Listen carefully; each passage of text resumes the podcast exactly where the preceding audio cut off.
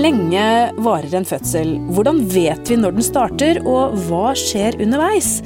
Fødselen er faktisk inndelt i ulike faser, og i denne episoden av Babyverdens podkast skal vi snakke om hva som skjer under en fødsel. Jeg heter Karine Næss Frafjord, jeg er redaktør i Babyverden, og så er jeg på Stavanger universitetssykehus hos jordmor Carolina Mæland, som jobber på fødeavdelingen. Og jeg må spørre deg, Carolina, det vanskeligste spørsmålet først, det er jo hvor lenge varer en fødsel? Det er helt umulig å svare på. Ja, ikke sant?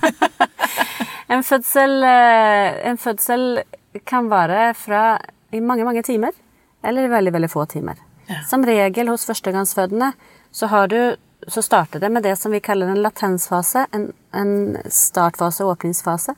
Som er når du begynner å kjenne riene, begynner å få noenlunde regelmessige rier, men de er fortsatt uregelmessige i den grad at de kan komme én per 20 minutt, eller to hver tiende minutt, eller én i timen, og litt fram og tilbake.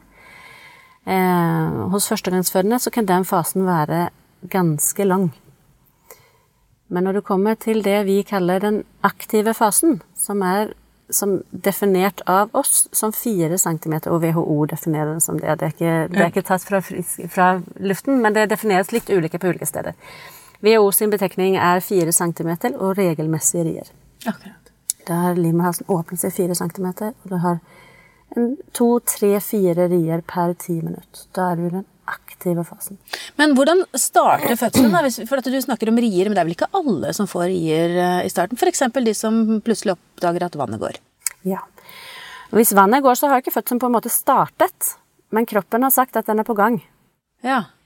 Eh, og det er helt greit, så lenge, så lenge fargen på vannet ikke det er noe farge på vannet, at ikke det er noe lukt på vannet, så er det helt greit at vannet går. Da sier vi at du kan eh, Det er litt forskjellig praksis fra ulike sykehus, men som regel kan kvinner reise hjem og komme tilbake innen får et tidsgitt eh, intervall, da, innen ca. to døgn. Så lenge? Ja. Før man da setter i gang fødselen aktivt. Det er litt forskjellig fra sykehus til sykehus, men omtrent to døgn. For det er jo ikke sånn at eh, det blir tomt for fostervann? Nei, det er det ikke.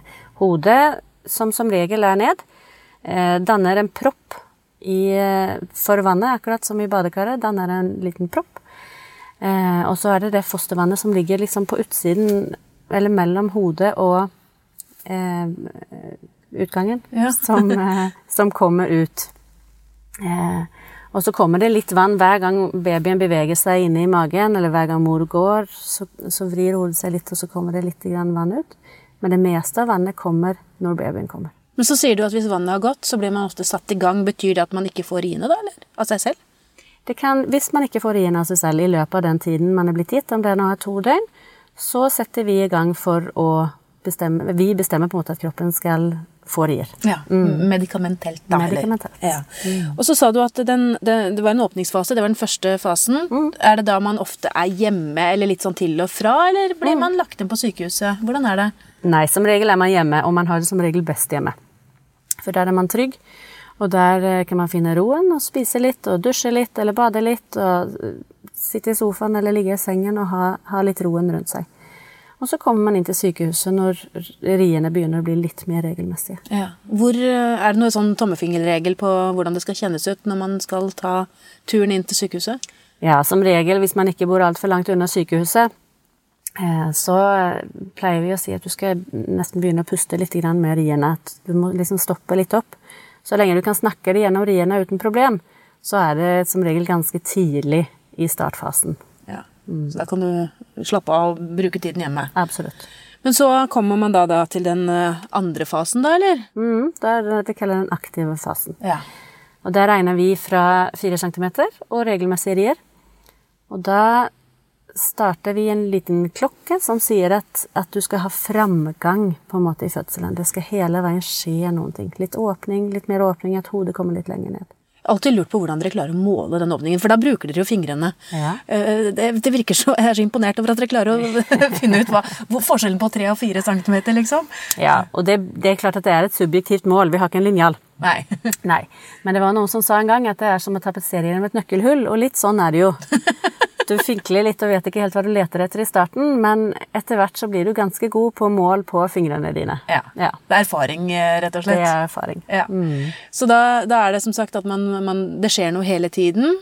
Eh, går det fort, eller går det sakte, eller kan det være litt opp til hver enkelt? Det kan være litt opp til hver enkelt, men vi har en stoppeklokke på oss. Og igjen så er det litt forskjellig. En ordentlig stoppeklokke? Ja, på, et, på dataen. Ja, mm, et dataprogram som forteller at det skal skje noe.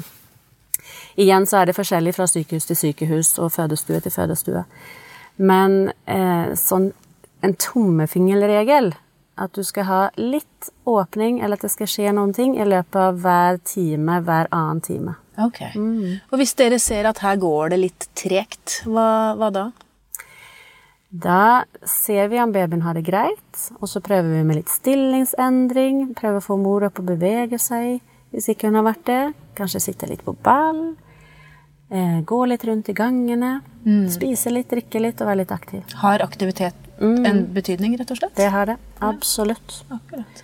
Og så har vi medisiner som vi kan bruke hvis vi trenger det, men vi prøver først å få kvinnen til å selv klare, kvinnens kropp til selv å klare å få forandringen. Og det var da den andre fasen. Er det den lengste? Ja, som regel er det den lengste. I hvert fall den som er mest ehm, Hva skal jeg si, da? Mest trettende. Hvor du jobber mest. For den første fasen kan være lang, men der har du, der har du litt mer pauser. I Ja. den aktive fasen så har du ikke så mye pauser. Der jobber du litt mer med riene hele veien. Akkurat. Vi skal ta for oss eh, de siste fasene av eh, fødselen straks, men eh, vi tar en liten pause først. Ja, Vi snakker altså om eh, fødselens faser i en eh, helt normal fødsel i denne episoden av Babyverdens podkast. Jeg er på Stavanger universitetssykehus hos jordmor Carolina Mæland, som jobber på fødeavdelingen der. Og eh, du har fortalt nå om de to første fasene. Og så har vi hørt at fase nummer to er ganske slitsom. Og litt, litt lang. Men hvordan er den siste, da? Det er vel ikke noe mindre slitsom, er den det? Nei, men, men du, da får du jobbet litt mer sammen med og Du får gjort noe mer.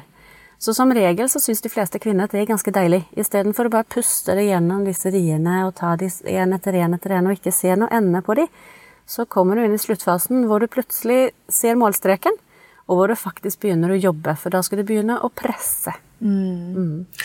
Og den fasen der, fortell litt mer om den. Altså, hva er det som, hva er det som skjer inne på fødestua da?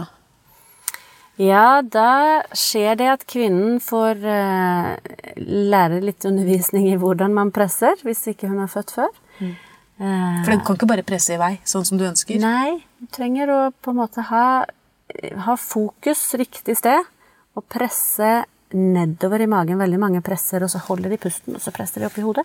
Men du skal presse ned. Babyen skal jo ut, og den skal jo ikke ut gjennom hodet. Den skal ned og ut. Og da må du presse på riktig måte. Men alt det får man god instruks underveis, en jordmor som forteller hvordan du skal gjøre det. Jeg holdt på å si, Er det vanskelig, for du er jo da i store smerter også, eh, og det er kanskje vanskelig å holde fokus da, og gjøre det riktig? Er det mange som er redde for deg at de ikke klarer det? Ja, det er veldig mange som sier 'nå klarer jeg ikke mer'. Ja. Og så sier jeg du kan si hva du vil inne på denne stua, men du klarer dette her. Du får ikke lov å si at ikke du klarer det. Og hvis ikke man stoler på seg selv, så får man stole på jordmor. For jordmor vet at du klarer det. Og det er, eh, det er et godt samarbeid mellom jordmor og kvinne, og kvinne og partner. Det tresamarbeidet der er veldig viktig. Jeg fortell litt om eh, altså, din rolle da, som jordmor eh, inne under en fødsel. Hva er liksom det viktigste du gjør? Det viktigste jeg gjør, er nå å trygge kvinnen. Og ha kontroll på det som er rundt, uten at det blir forstyr- et forstyrrende element i fødselen. Eh, ha kontroll på at babyen har det bra, at mor har det greit, og at partneren ikke besvimer ved siden av. Skjer det? ja, det skjer. Heldigvis ikke så ofte. Heldigvis ikke så ofte. Men, men partnerens rolle, er den, er den viktig? Den er veldig viktig. Den kan jeg aldri overta. De beste fødslene jeg har, er når jeg er en flue på veggen på et vis. Jeg jobber og får babyen ut, men, men det er kvinnen og mannen som sammen gjør jobben. Det er de fineste fødslene. Ok, men så er vi da der hvor man skal eh, presse babyen ut. Hvor lenge, hvor mye, hvor eh, hardt og intenst er det? Det er klart at det er en hard jobb, og du er sliten fra rier du har hatt i mange timer i forkant. Eh, men men Det tar ja, som regel rundt en times tid i trykking for den førstegangsfødende. Og så vil vi at babyen skal komme ut. Ja. Mm. Så du skal ikke ligge i uendelighet og trykke. Stort sett så kommer den ut, men hvis man trenger hjelp, hva skjer da? Da kan man enten bruke en sugeklokke. Da setter man et, en vakuum, heter det. Da setter man et lite vakuum på hodet til babyen. Og så drar man legen som er inne og forløser. Da drar legen samtidig som kvinnen trykker. Så hjelper man liksom til i begge ender. Det hørtes ganske dramatisk ut. Ja, Det er ikke så dramatisk ut som det høres ut. Det blir litt folksomt på rommet fordi vi trenger litt mange hender. Eh, men hvis vi ser at babyen trenger å komme litt fort ut, eller mor er voldsomt sliten og ikke klarer å, å få babyen trykket ut, at den står litt skeivt eller står og stanger litt mot sin fysebein eller noe, så kan vi altså hjelpe til lite grann. Men er det vondt for babyen å bli dratt ut etter hodet? Det høres heller ikke behagelig ut. Kan få litt hodepine etterpå, men ikke noe voldsomt. Ja. Så det er ikke farlig. Nei, det er ikke farlig. Nei. Akkurat. Så da er vi altså gjennom eh, de tre fasene. Men så er det jo noe som skjer etterpå, fordi man, man tror at man er ferdig med å føde, men det er jo mer som skal fødes. Ja, du har en morkake. Ja. som sitter inne i livmoren, og som er det babyen har fått ernæring og oksygen ifra i alle disse månedene. Og den løsner en, en liten stund etter at babyen er kommet. Og så skal den ut, men den merker de fleste kvinner nesten ikke at de får ut. Ok, så det er ikke, man må Et ikke lite trykk. Ja, så det er ikke noe sånn pressing på den. Nei, altså. et lite trykk, også er den er jo så myk også. Det er jo ikke noe hardt, eh, hardt inni der. Nei. Nei. Den er veldig liten i forhold til det barnet som akkurat er blitt født. Ja, jeg har hørt Det er veldig mange jordmødre som er fascinert av morkaken da, Mm. og, og anbefaler oss å se den. Hva tenker du om det? Jeg tenker at jeg spør alle foreldre om de vil se den, for det er Vi kaller det livets tre. Ja. Fordi at det ser ut som livets tre. Det ser ut som en stamme. Navlesnoren er en stamme, og så er det greinene som går ut i morkaken. Og det er jo, det er jo nettopp det det er. Et eh, livsavgjørende organ, eller ja som, som kommer ut. Ja. Mm, det er det som har holdt liv i babyen hele veien, og det som har holdt mor og barn helt fysisk sammen. Så kan man se på morkaken om barnet har hatt det bra også, da. Ved at den er kanskje frisk og fin. Mange ting kan man se på morkaken, ja. ja. Er det sånn at dere gransker den for å få informasjon? Mm, det gjør vi. Veier og måler og ser hvordan den ser ut. Men hva kan dere bruke den informasjonen til, da? Vi kan bruke den Hvis alt er greit, så bruker vi ikke den informasjonen til så veldig mye. Hvis det er noen ting som ikke er helt greit, så kan vi bruke informasjonen til å se at morkaken ikke har fungert som den skulle, eller at navlesnoren ikke var plassert der hvor den skulle være, eller noe sånt. Mm.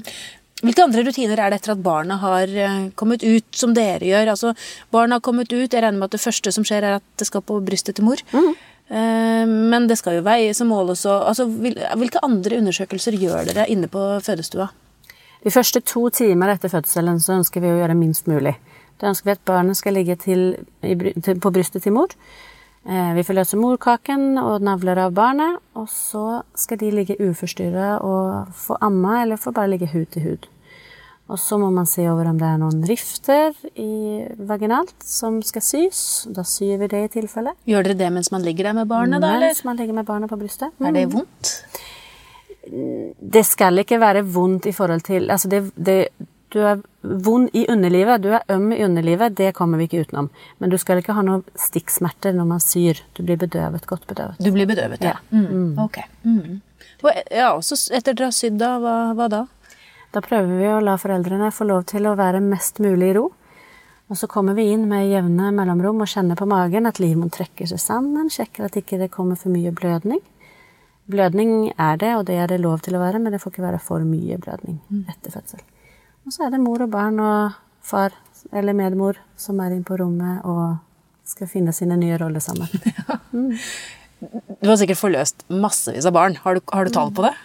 Nei, jeg har ikke det. Jeg har tenkt jeg skulle telle en gang, men jeg har ikke kommet så langt. Men, eh, men for oss da, som kanskje har født én eller to ganger eh, egne barn, hvordan, jeg bare lurer på, jeg, hvordan er det å være jordmor og se disse barna komme til verden? Er det, er det så flott som det virker? Ja, akkurat så flott som det virker. det er jo en grunn til at jordmødre har mange barn generelt. Ja, de har det? Ja, det er veldig mange jordmødre som har mange barn.